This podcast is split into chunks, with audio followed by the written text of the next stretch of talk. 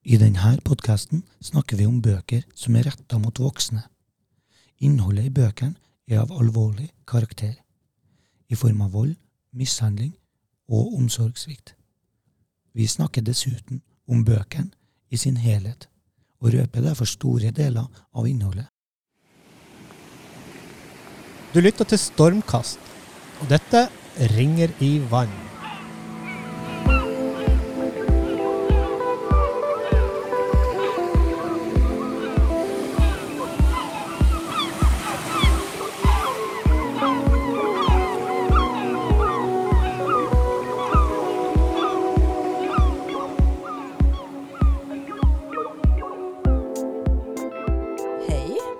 Solgunn. Ja, altså i dag har vi med oss en gjest. Ikke God verst. dag, god dag. Ja, og det er han Kristoffer. Men Kristoffer, skal- hvem er du egentlig? Nei, eh, jeg er jo da eh, en kar på 38 år snart, som eh, jobber nå som bibliotekar på Stormen. Ja, er du 38? Ja.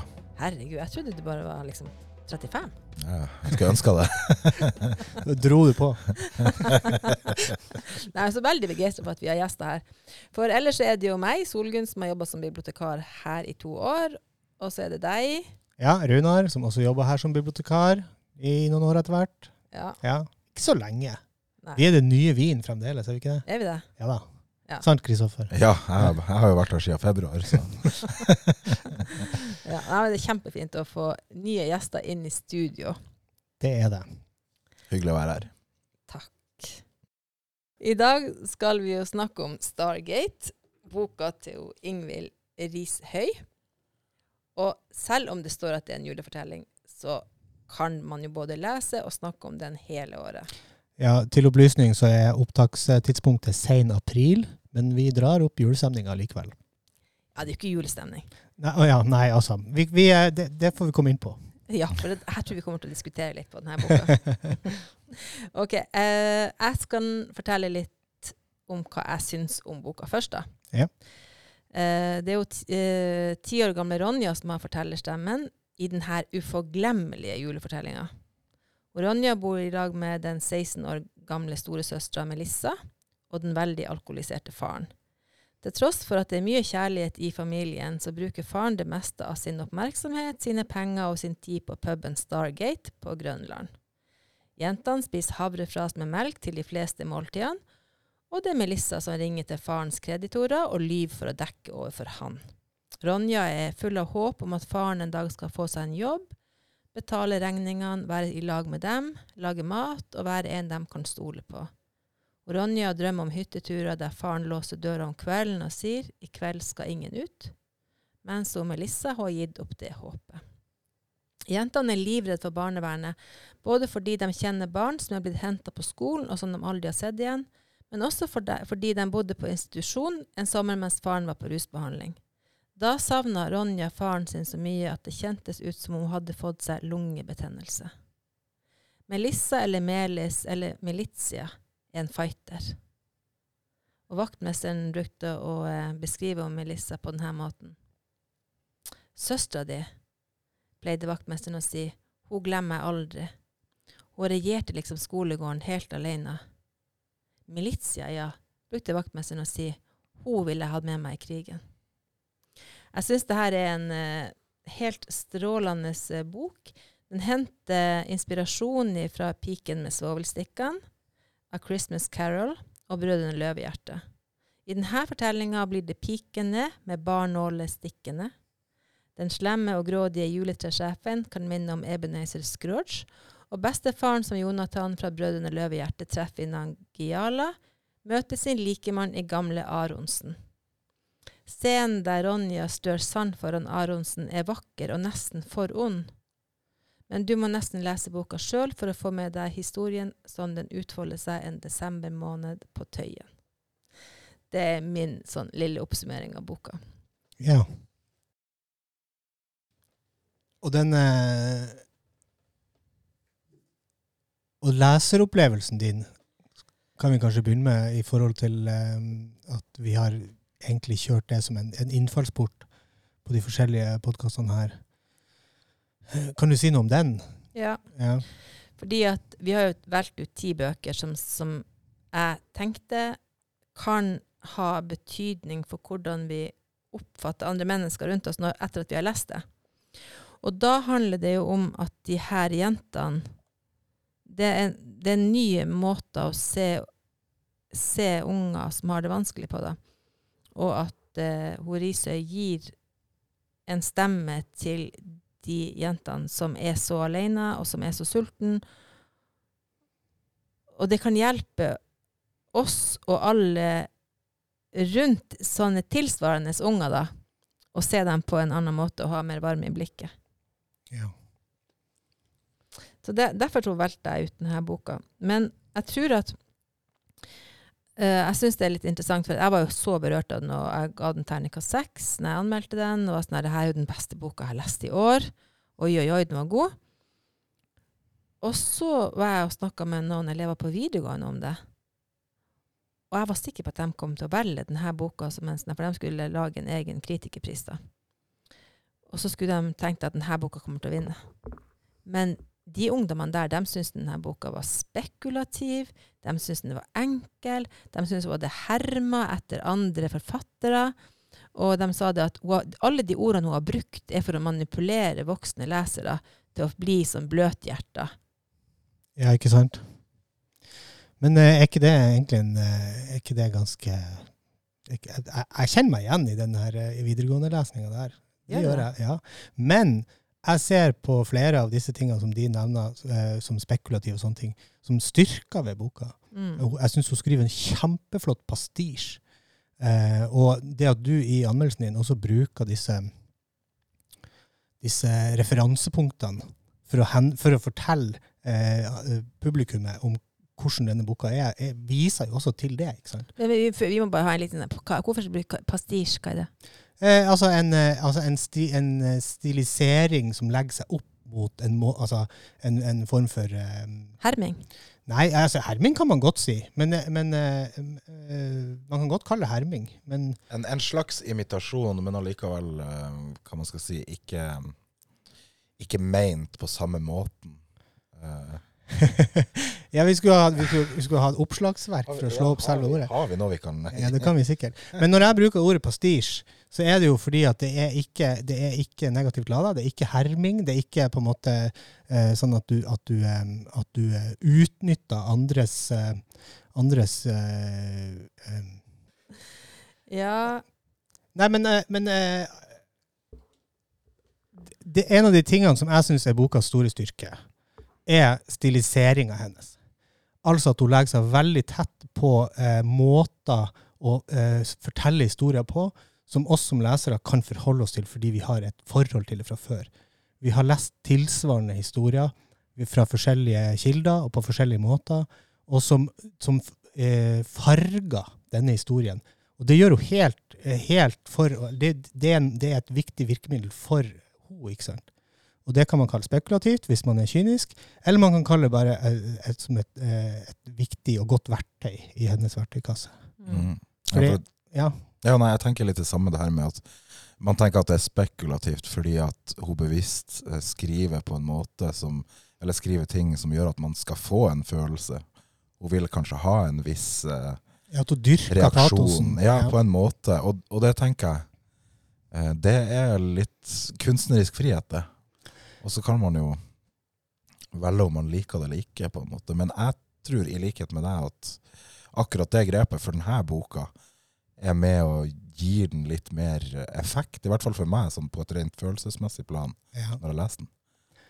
Det er en kontraktfesting mellom leser og forfatter, eller forteller, da, eh, som går ut på at ok, å ja, går du i den retninga, kjører du den stilen, har du disse referansene, men da vet jeg på en måte hva, eh, hva du vil.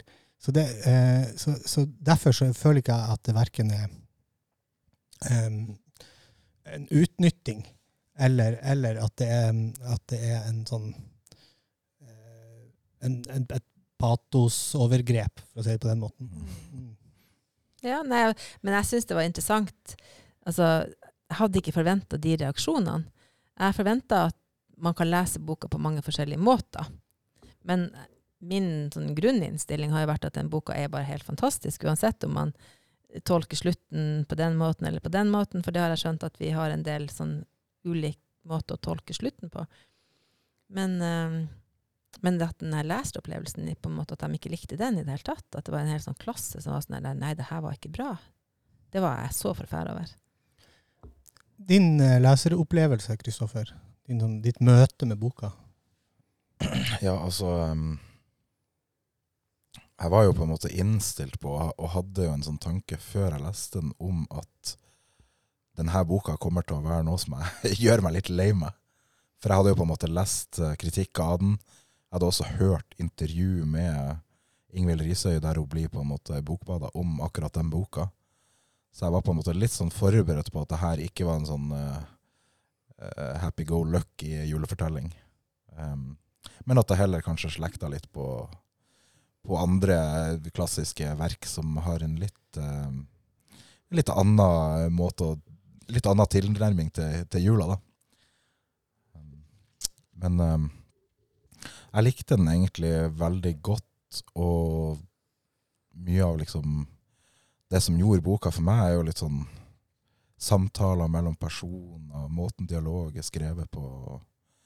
Um, og så er det kanskje det jeg beit meg mest merke i, på en måte er hvordan det her er Hvordan det skildrer på en måte det norske folket, altså det norske samfunnet. For jeg kjenner på en måte meg igjen i litt det her at det er mange som det er mange som ser på, men som ikke griper inn, f.eks. Mm. Eh, og akkurat det tenker jeg er litt sånn eh, um, Det er noe litt uh, skummelt ekte over det. Ja. Mm. Men det er også mange gode, gode eh, Om enn på et sånt eh, eh, dagligdags eh, plan, så er det mange gode eh, samtalepartnere eller enkeltpersoner som du møter, som har en eller annen sånn klassekamerater eller naboer, eller altså, med unntak av Aronsen, som spiller en mye viktigere rolle. og sånne ting. Så får du liksom opplevelse av et naboskap, eller et, et bydelsfellesskap, eller noe sånt. Mm. Ja. Og det, han Aronsen der, han, jeg, jeg, han får meg til å tenke på, på han, eh, han gamle karen i den der Alene hjemme-filmen. Ja. Ja. ja. Som man hele tida liksom tror er en sånn De ungene får ha liksom inntrykk av at han er en skummel eh, type, og så viste det seg at han, eh, at han er en ganske fin fyr, da. En snill og ensom. Ja. Mm. Det viser seg på et sett at han er julenissen. ja, ja, det kan du si. Det gjør jo det. Dette, dette her leker virkelig Ingvild H. Risøy med. Altså. Men, men jeg syns For det første så eh, tenker jeg at med Aronsen så drar hun det ganske langt opp og fram. At han er en sånn, den, en sånn eldre, eh, omsorgsfull og litt mystisk eh, type. Eh, som, som fungerer som en sånn julenisseskygge i en sånn fortelling. Men så har hun i tillegg vaktmesteren, som i minst like stor grad har den der mystiske, mannlige tilstedeværelsen av godhet. Eh, så, hun har, i, så vidt jeg kan se, så har hun på en måte ikke helt bestemt seg for om hun skal ha en eller to julenisser. Men det er selvfølgelig ingenting som er uttalt av dette her. Men, eh, Mm. Men som vi alle vet, så finnes jo ikke julenissen. nei, det, det er kjempegodt poeng. Veldig godt poeng. Men eh, det som finnes, er julemirakler. Det vil si ideen om julemirakler. Eh, og det er jo også noe som hele tida liksom plukkes tak i her. Han vaktmesteren eh, sier jo Han sier det to plasser. Ikke sant? Han, sier, han, han bruker dette med at underet kan skje. Han, eh, det er en, et eh, kort avsnitt på side 22, og så et kort avsnitt på side 124. Så han på mange måter rammer han inn fortellinga med dette her eh, julemiraklet som, et, eh, som en, noe som kan ligge til, til bunnen for em, et slags håp, kanskje? Ja, og så ser du på meg, for vi, har, altså vi, jo, vi leser jo ofte bøkene så forskjellig. Og det syns jeg er så artig, fordi jeg leser dem jo der jeg på en måte prøver å finne feil, og at eh, noen bekreftelser på at mange har det veldig vanskelig, og at øh, det norske samfunnet ikke klarer å fange opp. Og, det, og jeg tenker jo at denne boka er jo et sånn klassisk eksempel på det, og så syns jeg det har så lite håp i seg. Og eh, jeg syns den er skikkelig trist. Den er jo en sånn altså, I min lesning, og nå her er jo spoiler, da, men i min lesning så, synes jeg, så, så dør de jentene. De fryser i hjel. Men det tror jeg ikke noe Altså, det, det er noe ganske sikkert at Nei, det det er noen som ikke tenker at de dør. Kristoffer, hva tenker du? Eh, jeg, tenker, jeg tenker at de dør. Så ler vi. ja. ja, nei, det, du var satt litt i en- oppi Dette er jo en klassisk eh, sånn beskyttelsesreaksjon. eh. Men Nei, altså Nei, jeg òg tenker jo at eh, det går åt skogen på, på slutten der. Men eh, ja, hvis, hvis du er veldig religiøs, da, eksempel, så kan det jo hende en happy ending. Nei, men, men det er jo dette som er fiksjonen sin, sitt privilegium her. Ikke sant? Ja. Ingvild H. Risøy kan gjøre begge ting på en gang. Hun kan, hun kan fortelle den dypt tragiske fortellingen om disse to fattige jentene eh, som er under all verdens omsorgssvikt. Både i familien og i, i samfunnet. Men hun kan også løfte det opp i en, sånn, i, i, en, i en verden som er full av håp og lys og deilig jordsynging som, eh, og, og, som, og hvor vi kan få oppleve dette. Og da i hovedsak sammen med Ronja, lillesøster, ikke sant, som har en sånn kjempeenergi som hun byr på. Det er jo fortellerens energi, egentlig, men det går på en måte via Ronja. Som er, som er så vital og fin, eh, og som gjør at vi kan at vi kan ja, vi kan, vi kan, vi kan oppleve begge tingene på en gang. Det, det, det, og det syns, jeg syns hun får det så godt til. da. Mm. Mm. Og, og i, med fare for at lyttere her eh, ikke har lytta til våre tidligere episoder, så er det jo en sånn første gangen da, at, at fiksjon brukes eh, parallelt med fortellinga i forhold til de bøkene vi har lest tidligere, som har vært mer sånn på fortellingas premisser hele veien. Her, men her bruker hun på en måte hele formen sin som en, som en egen, eh, et eget lag. Nå skjønte ikke jeg hva du egentlig mente. Nei, at, at, eh, at den, det som jeg nevnte i stad som en kontrakt mellom forfatter og leser, Mm. er, er, er på grunnlag av at uh, hun bruker masse formgrep Ja. som, vi kan, som gjør at vi kan kjenne igjen som, eh, som, ju, som julete, Mm. og som, og som eh, eh, Ja, altså som, som altså virkemidler og, og bilder og ideer som vi kjenner igjen fra måten man, man uh, forteller julefortellinger på. Da. Mm. I hovedsak. Mm. Men også, men også sånn som du sier, Astrid Lindgren. Og, Ja, altså, jeg, skulle du forklare boka for noen med én setning, så kunne du sagt at det er en slags H.C. Andersen-allegori. Altså i den her eh, ja, ja. Mm. piken med svålstikken. Mm. Ja. Og og det er nok det. Jeg, jeg vil tro i den grad at eh, vi skal spekulere i hennes, altså Ingvild Rishøi sine sin eh, liksom noen utgangspunkt. At eh, piken med svovelstikkene er sånn første, en første referanse. Mm. Det kan det minne om. Ja, jeg tenker også det. Så Ja. Men jeg Men um Men, men, men kritikken eh, som, som på en måte ikke kommer med det Unnskyld at jeg avbryter nå, Solgunn. Men jeg, jeg tenker som så at, at det kan jo være ødeleggende også. For å, altså at det undergraver alvoret som hun beskriver. Men det er jo en, hun har jo bestemt, og jeg tror at hun har gått ut på et sånn, eh, hun har bestemt seg for å gjøre en sånn dobbel, dobbeltbalanseøvelse. Eh, hvor, hun skal, hvor hun skal både fortelle den vakre eh, julehistorien med Lucia-drakt og alt det som det innbefatter, og den dypt tragiske fortellinga samtidig. Ja, jeg er, jo ikke enig med deg i det. For jeg, jeg syns ikke det er så vakkert. Altså, jeg ser ikke det vakre der. Jeg gjør ikke det. Jeg, altså, jeg ser at det er utrolig godt skrevet. Jeg liker eh, måten boka er bygd opp på. Jeg liker måten hun beskriver følelsene på. Alt som ligger under og mellom linjene. Ikke sant? Det liker jeg kjempegodt. Men for meg er det så masse sorg der, og det er masse altså Det er unger som sliter masse, som, og et samfunn som svikter. Da. Det er det jeg ser. Og to jenter som, som fryser i hjel på julaften. Altså, jeg ser ikke det vakre, men Kanskje at de slipper unna til slutt. Ja, ja, ja ikke sant? Men det er jo, det, det er jo på Nangiala-planet i så fall. Ja, ikke sant. ja. Ja. Men det, man fikk jo litt den følelsen òg, på en måte, syns jeg. da. At det var på en måte noe med det samholdet de to søstrene imellom, og måten den slutten er skrevet på, da, som Mm. gjør at på en måte det er grusomt, men vakkert på samme tid. På en måte. ja. Ja. Men jeg skjønner veldig godt at du, at du tenker at det bare er fælt. Ja, altså det er bare fælt. Og hvorfor liker man sånne fæle bøker som Men altså, min opplevelse er jo at det er jo kjempe Altså det er så god litteratur fordi at den, den litt, det litteraturen kan gjøre, den kan eh, berøre ting. Eh, og når det er fiksjon, så trenger vi ikke å tenke på at det her har skjedd i virkeligheten.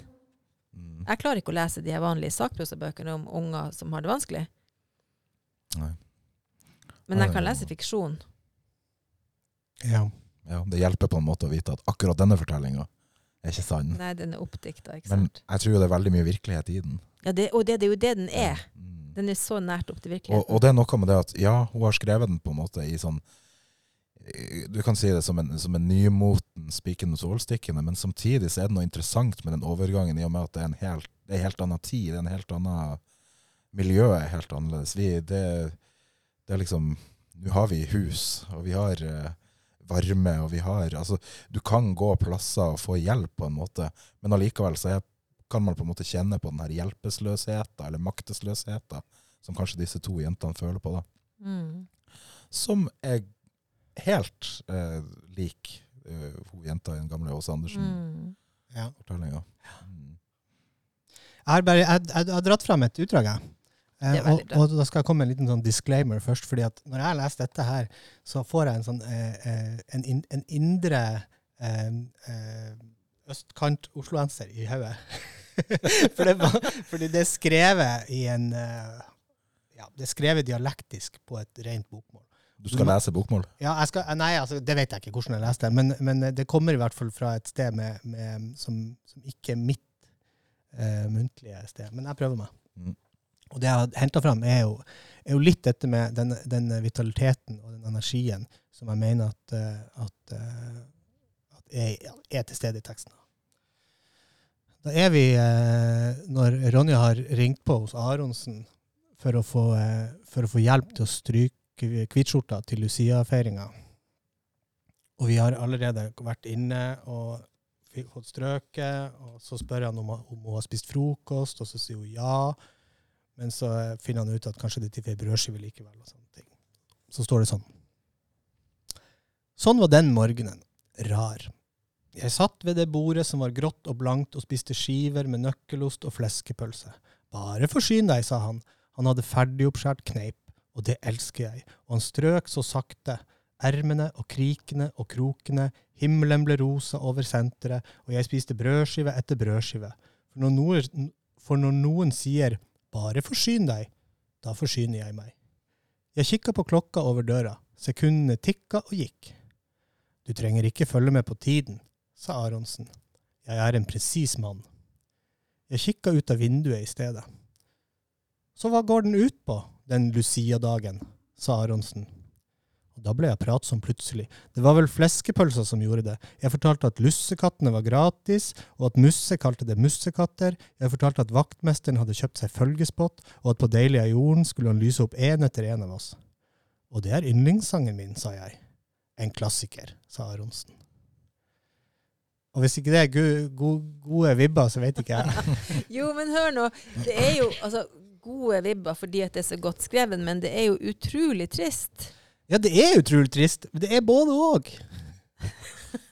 Det er jo altså Ja, det er jo det er på samme måte. Altså, jeg, jeg tenker det er liksom så lett å trekke paralleller til, eh, til musikk, f.eks. Mm. Ja. Der um, Jeg er veldig glad i å høre på veldig mye trist musikk. Det er jo ikke fordi jeg er en person som eh, jeg holdt på å si oppsøke tristhet, egentlig, men, men jeg, jeg, jeg tror på en måte Jeg tror på Altså Men du kan se det vakre i det, selv om det er liksom Mm. Selv om det er fælt. Eller Ja. Jeg tror også det er et, et virkemiddel som vi ikke har snakka om til nå, men som og jeg egentlig ikke jeg, jeg har ikke så god oversikt over det, men det er i hvert fall gjenkjennbart. Og det er dette med en sånn romantisering av, av eh, foreldreløse barn, eller barn, ut, altså barn på egen hånd, da. Eh, som, du, som du har både hos Dickens og, eh, og eh, andre plasser. Og Annie òg kom på til å tenke på, som jo er hvor jentene på en måte klarer seg sjøl med en sånn håpløs eh, bar, eh, barnehjemsbestyrer, alkoholisert osv. Og, eh, og den var jo faktisk Hvis ikke jeg tar feil, så er, var den originalt skrevet som en julefortelling, den også. Den, den foregår i jula. Men eh, Og vi er jo litt sånn svak for det. Og det er også et vanlig, et veldig vanlig virkemiddel i barnelitteratur. At, at eh, unger står på egne bein og klarer seg sjøl og ikke har foreldre osv. Men tenker du at det er romantisering av dem her? Ja, jeg, jeg tenker at hun benytter seg av det som, en, som noe som, som, et, som et, et kjent grep. da. Men, eh, men det er akkurat det. Hun står på begge beina. Det er like knallhard realisme som at det er, som at det er en, form for eh, stilisering eller romantisering. Ja, for jeg syns ikke at hun romantiserer noe som helst her. Altså det, jeg er enig med deg. Ja. Ja, men altså, for jeg, det er jo, det er jo hun eh, Det virker jo ikke forlokkende. Og de jentene finner jo en styrke, men de fleste av oss har jo en styrke ja. Som, man, som veldig mange ikke trenger å bruke. Altså, det er forskjell på en, en, eh, to, to søsken som er vokst opp med to velfungerende foreldre som diller og duller med dem, ja. Mm. eller de her jentene som må spise havrefras for de får ikke noe annet, og fryse i hjel. ja veldig. Ja, ikke sant? Veldig. Men det er ikke romantisering. Nei, men jeg, jeg sier jo ikke at jeg, er egentlig ikke det jeg sier. Jeg sier at hun benytter seg av en sånn en litt sånn eh, en flåsete omgang med noe tragisk, som jo er en sånn patos u- Tenkte du det som et estetikkgrep? Ja, det er et estetisk Ja. grep. Men det er det, det, det, det jeg egentlig har prøvd å peke på hele tida. Ja. At det er altså, ved, å, ved å bruke ting som vi allerede er kjent med, på et vis, så, har hun, Mm. så, så legger hun et slags sånn så legger hun en plattform som publikum kan, eller som, Mm. som eh, leseren kan stå på, og, å forstå hvor vi befinner oss. da. Mm. Men det som, som, er, som gjør som er nytt og eget og, og annerledes enn bare å gjøre det, er at hun på en måte fullfører tragedien også, tenker jeg. Og jeg har lyst til å peke på en spesifikk plass til i boka. Jeg trenger sikkert ikke å lese fra den, men fordi at jeg tror egentlig Igjen, det er spekulering, men jeg tror egentlig hun peker på dette sjøl også. Eh, fordi eh, Ronja kommer jo på den geniale ideen om at det, eh, overskuddet skal gå til fattige barn når de selger juletrær. Eh, og det, har, det er ikke måte på hvor godt eh, mottatt dette blir, og de tjener jo mer med penger. Han godeste kan hete Tommy. Han kommer jo opp med det hjemkjøringskonseptet, og hun kommer opp med dette. og sånn. Men eh, etter en stund så tar Tommy dette opp da med, med Ronny, at eh, det er ikke litt sånn i overkant å drive og lyge og si at det går til fattige barn. Og jeg tror egentlig I min lesning så er det jo, kommenterer jo hun sin egen måte å utnytte hele den her eh, unga i en, en håpløs situasjon Mm. eh, for, å liksom, for å nå gjennom. da. Ja, men det er ikke å utnytte, det er hun er bare smart. Ja, men, ja, ja, men eh, ut, ordet 'utnytte' kan man kan, Ja, ja, jeg skjønner. fange bredt. Ja. Hun er kjempesmart. Hun er kjempesmart, ikke Ja. sant? Så det er jo eh, veldig fint at overskuddet går til fattige barn. Ja, ja at det Så- gjør det, ja. Mm. Ja, de lyver jo ikke. Nei, ikke sant. Ja. Og så ler vi. Ja, også det er jo det, ikke sant? Vi, det er jo så, vi blir jo så hardhuda av det her, eller vi gjør jo ikke det. Ja, no, men, jo, men du sier noe interessant der. For jeg tror jo altså, mye av grunnen til at for eksempel jeg kan lese en sånn bok om en sånn som, som du sier, det er grusomt, det er trasig, det er liksom Men jeg tror sånne ting kan hjelpe Jeg tror det hjelper mange personer med å faktisk mentalt forberede seg på at livet er ikke Livet er ikke en eh, dans på roser, for eksempel. Eller, Altså, søt, eller søtmelk, som bestemor bruker å ja, si. ja. Det var ikke bare søtmelk. Nei, for Mm. de fleste av oss lever jo Altså Vi er jo så heldige i Norge at de fleste av oss lever jo veldig mye mer um, hva skal jeg si, skjerma fra de her forholdene enn det disse jentene i boka gjør. på en Mm. måte. Heldigvis er jo de fleste unger i Norge slipper jo disse. Men det er jo mange unger som selvfølgelig er i den situasjonen også. Mm. Men jeg tror, det, jeg tror det er fint på en måte for folk å få en sånn her historie servert. Bare for å få, for å få et annet perspektiv Mm. på den tematikken som den omtaler. Ja, det er jo en slags å bygge empati, da. Mm. At man gjennom skjønnlitteraturen For at du føler det på en annen måte enn hvis du leser sakprosa. Hvis du hadde lest om to fattige barn som sulta i hjel i en sakprosabok, så hadde det ikke føltes på samme, kanskje ikke føltes på samme måte som når du da blir kjent med de her jentene. Og det er interessant, fordi at eh, da kan man i hvert fall skjematisk eh, det, blir jo, det blir veldig forenkla, det her, da, men da kan man jo dra ifra den, liksom, den rene, på en måte eh, helt uredigerte, dokumentariske eh, teksten, da, hvis vi snakker bøker og tekst. Eh, og så kan vi gå gjennom alle de forskjellige eh, liksom, gråtonene fram til eh, fiksjon som er eh, Som kanskje begynner da, i, i det, som jeg da kjemper veldig for her i studio, på, det, på denne måten. Fordi at den, er, den benytter seg så mye av at den faktisk er en, i en fiksjonsverden. Den gjør masse fiksjonsting. Er, eh, og, og så er spørsmålet liksom hvor, hvor skjer de lesning, hvor skjer de forskyvningene i forhold til den, den eh, eksempel opplevelsen av empati og sånne ting? Hvor, altså, i, i, i, hvordan Det kan helt sikkert som sagt det er forenkla, det kan helt sikkert skje i begge retningene, egentlig. Men, eh, men eh, jeg tror at hvis, hvis at vi eh, Hvis vi skal sammenligne med de bøkene som vi har tatt opp til nå i denne serien, så er jo det her en, en mye greiere bok å komme seg gjennom. Um, den er mye mindre mye mindre sånn in your face. Men det, er- er der du er uenig med meg. At den her er like in your face som de andre. Ja, ja, nei, jeg, jeg, jeg er jo uenig med deg, men det bruker vi å være, og det syns jeg er fint. Ja. Men det er også interessant at, at, at, at den kan oppleves eh, Og der kommer vi jo inn på erfaringer, hvilke erfaringer vi sitter på. Tenker du personlig erfaring? Ja, personlige erfaringer. Ja. Hvor vi Mm. kommer fra, hva hva slags referansebakgrunn vi har, osv. Ja. Mm. Ja, nei, altså Men er dere f.eks. enige med meg, hvis dere visste dere måtte gi terningkast, at det her hadde vært på høyest på terningen, eller? Jeg er vel på eh, Ja, det er en høy terning for min del. Um, men skal jeg vekte den mot andre av mine favorittbøker, så må den nok ned ett hakk. Men en femmer for min del, ja, det tror jeg. Ja. Tror du du klarer å vri et terningkast ut av Nei, meg, nei, jeg, jeg, jeg, jeg, jeg tenkte nå hvis, det- hvis det kommer et terningkast nå, da får jeg sjokk. Men det hadde jo vært artig. Ja, nei, men jeg, jeg, jeg, jeg har en kjempegod opplevelse av lesing av denne boka. Og på all, altså på, eh, som, som en bokleser. Mm. Ja. Jeg syns, den er veldig god, Mm. ja, rett og slett. Jeg syns òg som rent håndverk, altså rent tekstmessig, flyt, språkmessig og sånn, Ja. liker jeg den veldig godt. Masse å plukke og, og, og ta tak i, hvis man på en måte Sånn som jeg er litt anlagt for. Mm. Ja. Men akkurat nå må jeg bare spørre. Du sa noe om yndlingsfavorittbøkene dine. Hva var det? Hva favorittbøkene mine Ja, er for for, noe? ja, bare liksom for at siden du liksom har sagt det. Eh, nei, altså, jeg kan ta et ferskt eksempel.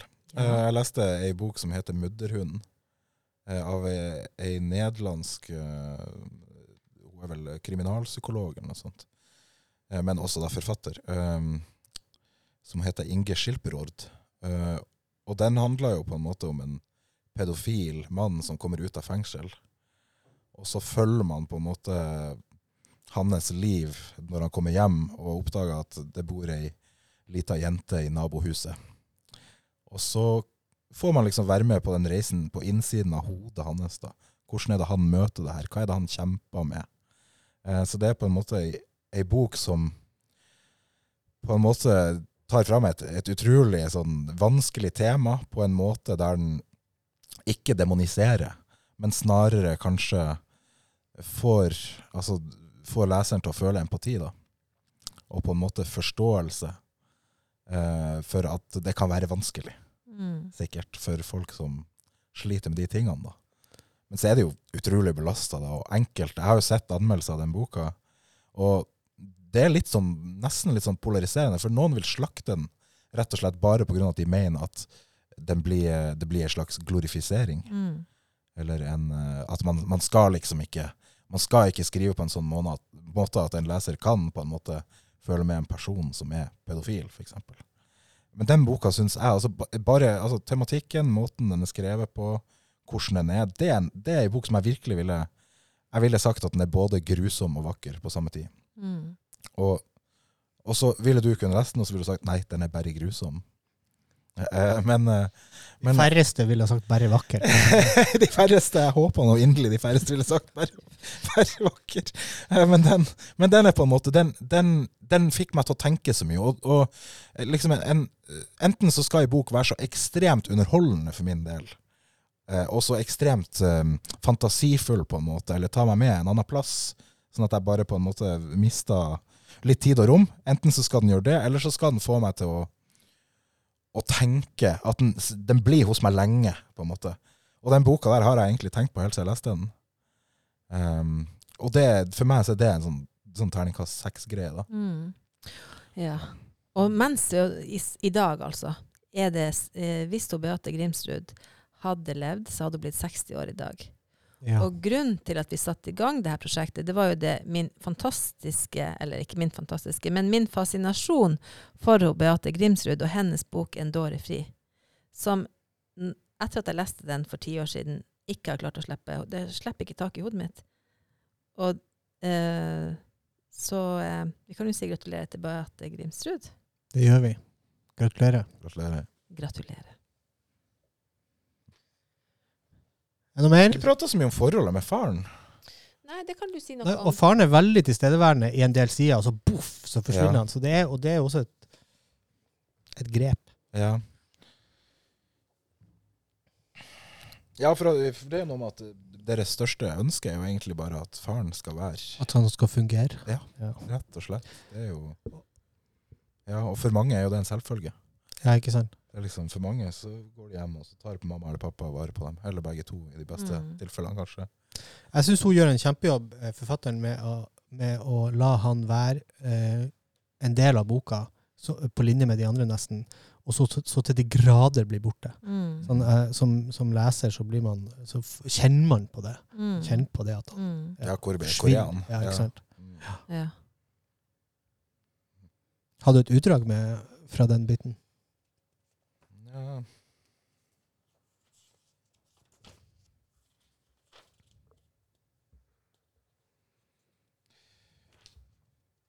Ja, det er jo noe med at han prøver, da. For eh, Det var jo det her med når han får eh, Han har fått den jobben, f.eks. Ja.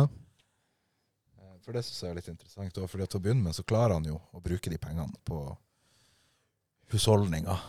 Og så plutselig en dag så bare går alle pengene til alkoen igjen. Ja. Og, og det er jo på en måte det at han klarer ikke å kvitte seg med det miljøet. Nei, Sonja kommer og henter han, Ja. på et vis. Mm. Ja. Ja, og, og, eh, og det syns jeg òg er litt sånn interessant, fordi at man kan på en måte forstå det òg. Han, han på en måte, han vil nok være der for ungene sine, men samtidig så føler han seg sikkert som den eneste voksenpersonen. da, For han føler seg sikkert fryktelig alene når det er bare han eh, og de to barna, f.eks. Uh, og så lengter han kanskje tilbake til bare en sånn hyggelig passiar med de vennene, selv om han egentlig ikke vil på flaska igjen. på en måte. Ja, det er i hvert fall en, det er jo en lettvint måte å, å hengi seg til, til avhengigheten sin.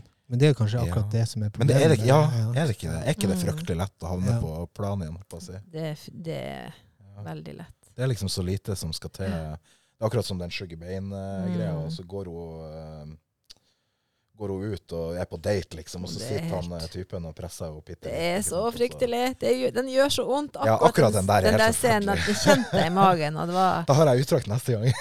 ja, det har du. Har du lest Skjeggebein? Nei, jeg har ikke kommet hit. Nei. Ja, nei. Men hadde, hadde du lyst til å lese et utdrag fra noe? Eller, for jeg har også funnet et kjempefint utdrag som jeg har lyst til å lese. Ja, ja, Men jeg vil også høre deg. Yes. Ja, Um, um, for at eh, det, det står her et utdrag der. Det, ehm, hver dag spiste vi spagetti. Hver dag fortalte han om jobben. Han sa at sjefen var en slags diktator, og at edelgranene var feite og tunge som griser. Men han smilte. Han spruta ketsjup på spagettien. Han sa at han var støl i nakken og rumpa og halsen og fingrene. Og Melissa snurra spagetti rundt gaffelen og så ned. Men jeg stirra på pappa, for underet kan skje. Mm. Jeg synes det, ja, det sier noe litt sånn eh, fint om den stoltheten hun føler da. Ja. Faren på en måte endelig har fått seg en jobb. Mm. Hun håper jo ennå. Mm. Ikke sant? Det er jo det hun gjør. Ja, det er det håpet som Runar prater om. Jeg vet at Runar har pratet om det håpet, og jeg har sagt at nei, den har ikke så mye håp. Men boka i seg sjøl Altså, jeg syns den er trist, men nå har jeg funnet et, eh, et lite utdrag her Jeg får høre. som er så vakkert. Og det er godt å høre. Åh, Det er så vakkert. Ja, Men det er jo også selvfølgelig usigelig trist. ja klart. Ja, det er klart. De er på skolen. Ja. Eh, Aronsen er kommet eh, på skolen for å eh, høre på og se på klassen til Ronja. Og så har jo Ronja en venninne som heter Stella, som har alt. ikke sant? Hun har jo et trehus hun bor i, hun har to verandaer og tre katter. Og en mamma som kommer og henter henne hver eneste dag, og har en egen kosekanin. Og så eh, har hun Ronja Nei. Hun Stella sier til Aronsen Unnskyld, sa hun. Er det sant at du er bestefaren til Ronja? Hvorfor spør du, sa han. For Ronja sa det, sa Stella, men da er det liksom så rart at vi aldri har hørt om det. Å ja, sånn å forstå, sa Aronsen, og nå ville du vite sannheten? mm, sa Stella gjerne, og så smilte hun. Det kan være en grunn til at hun ikke forteller deg alt, sa Aronsen. hm, sa Stella. Ja, kanskje barnebarnet mitt foretrekker å snakke med noen andre, sa Aronsen. Stella åpna munnen, og jeg kjente at jeg elska Aronsen. Jeg elska skjorta hans og slipset og den høye høyden og alle lappene han hadde hengt opp, og alle de gangene han hadde banka på. Jeg skulle ønske han var rektor eller Gud, jeg skulle ønske han var formann i borettslaget. Var det flere spørsmål, sa Aronsen, eller er vi ferdige her? Stella sto der, med åpen munn og lussekatten rett ned. Jeg tror vi er ferdige her, sa jeg. Det er jo nydelig. Ja, det er nydelig. Rektor eller gud eller formann i borettslaget. Ja, han kunne godt ha vært formann i mitt borettslag. ja. Aronsen. ja, ja. Høres ut som en bra mann. Aron, er Aronsen helten her? ja, nei, Ronja er helten her. Aronsen er en, en, en, eh, inspirasjon. En sånn mystisk skikkelse som inspirerer. Robin. I Batman og Robin. Er det det? Ja, ok. Nei da. Ja. Nei, men eh, det, det minner meg jo på at den boka er jo full av akkurat de der eh, formene i borettslaget. Altså, eh, tidlig i, i boka så har eh, søstrene en dialog eh, hvor de snakker om underkjølt regn. Som er bare også helt sånn hysterisk, fordi at de, det at de, de um, adopterer begreper ut av voksenverden på den Mm. måten som de gjør, det, det er også med å sette den tonen. Ja. Slutten, da, Solgunn. ja, i slutten. Vi må snakke litt om slutten. i og med at vi, vi har bare så vidt vært innom det. Ja, nei, men altså eh, ja, altså, slutten er sånn at eh, Min tolkning av slutten Ronja blir kjempesyk. Hun har feber og legger seg under et juletre på julaften Som en gave. Som en gave. Ja. Ja. Dette er ting som jeg ikke har tenkt på før, men du har fått med deg all den her symbolikken. Ja, nei, akkurat nå slo det meg. Ja, ok. Ja, skal ok. ikke ta. Og så, ikke sant, hun, og, og, så, og så fryser hun i hjel med søstera som legger seg ved siden av henne. Og så kommer det en sånn historie med at de eh, går opp en, i en skog i lag, og de sitter på trappa og venter på faren. Og de er blitt stjernene, og så ser de på han som også er en slags stjerne etter eller noe sånt. Det tenker jeg. Enn du, Kristoffer? Ja, altså, jeg sa jo litt om det tidligere, at, eh, at det, jeg, det som slo meg med den der scenen, der er på en måte det der samholdet mellom de to søstrene. Og på en måte at litt av det, eh, det vakre i det fæle er jo på en måte det at de to er sammen og prøver å, å verne hverandre, på en måte, varme hverandre. eh, helt, helt til siste slutt, da, på en måte. Så det er noe, ja, der er det noe litt sånn der Astrid Lindgrensk eh, Du og ja. Over Mm. Alfred. Ja, det var Alfred, ja. Nå tenkte jeg på Kavring og Jonathan, eller noe, tror jeg. Men, men det er litt Det går litt i surr. Jeg fant frem eh, på side 120 så har du en sånn enlinjers eh, ut, utdrag. Og det er jo fra eh, etter hun har begynt å bli ordentlig febersjuk og sånne ting. Og så har hun hatt en liten, et lite minne om, om sommeren med pappa. Eh, i Svaberg og den slags, og om vinteren med pappa, og bar sekker langt inn i skogen og sånt. Og så, og så kommer den ene setninga hvor hun sier Natta pleier pappa å si. Så godt. Min perleport og mitt Shangri-La. Mm. Og det er et etterliv. Det er ikke, jeg tror ikke vi kan tror ikke det kan være noen tvil om det. Nei Sa han bestemt og autoritært. ja, men altså, det, Du kan jo prøve på det, men altså, det vil jo ikke endre. For Noen ganger kan vi jo diskutere, og så kan man, man endre måten man leste på. Så det, det er jo fint. Men jeg syns jo allikevel det er trist. Altså, Så kan det jo være religiøst, eller det kan være at de havna på et bedre sted. Og nå bruker jeg tøddel. Mm. Fordi at uh, Hermetegn på podkast gjør seg. Ja, tøddel. Nei, men altså Ja. Nei, men, men akkurat her, jeg syns den er Den er fantastisk Det er et godt brukt ord, men eh, et eh, Det kan brukes her igjen. Og den er, det er en fin leseopplevelse, og den trenger ikke å leses til jul. Det kan leses til sommeren. Det er greit å ha det, ikke være trist i jula. Ja, men ble du trist av den? um, altså den hadde, Jeg skal ikke si at den ikke hadde noen innvirkning på meg sånn rent følelsesmessig. Det var jo altså man Ja, den, jeg ble jo trist. Mm. Eh, men samtidig så ser jo jeg på en måte Jeg, jeg klarer jo på en måte å tenke at at det er det, det, er kjipt, det er kjipt å lese av og til sånne ting, men det er også eh, fint at noen skriver på den måten. Altså, ja. At det er litt sånn, da. Mm. Um, ja. Og jeg er sjelden trist veldig lenge i slengen, altså. Ja. En god egenskap. Ja. ja. Ja. Men kloke ord, da.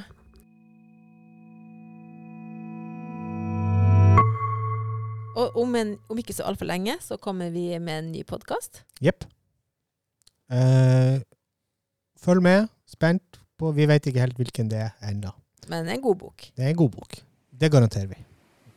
Tusen hjertelig takk. takk, takk. Ha det. Hei.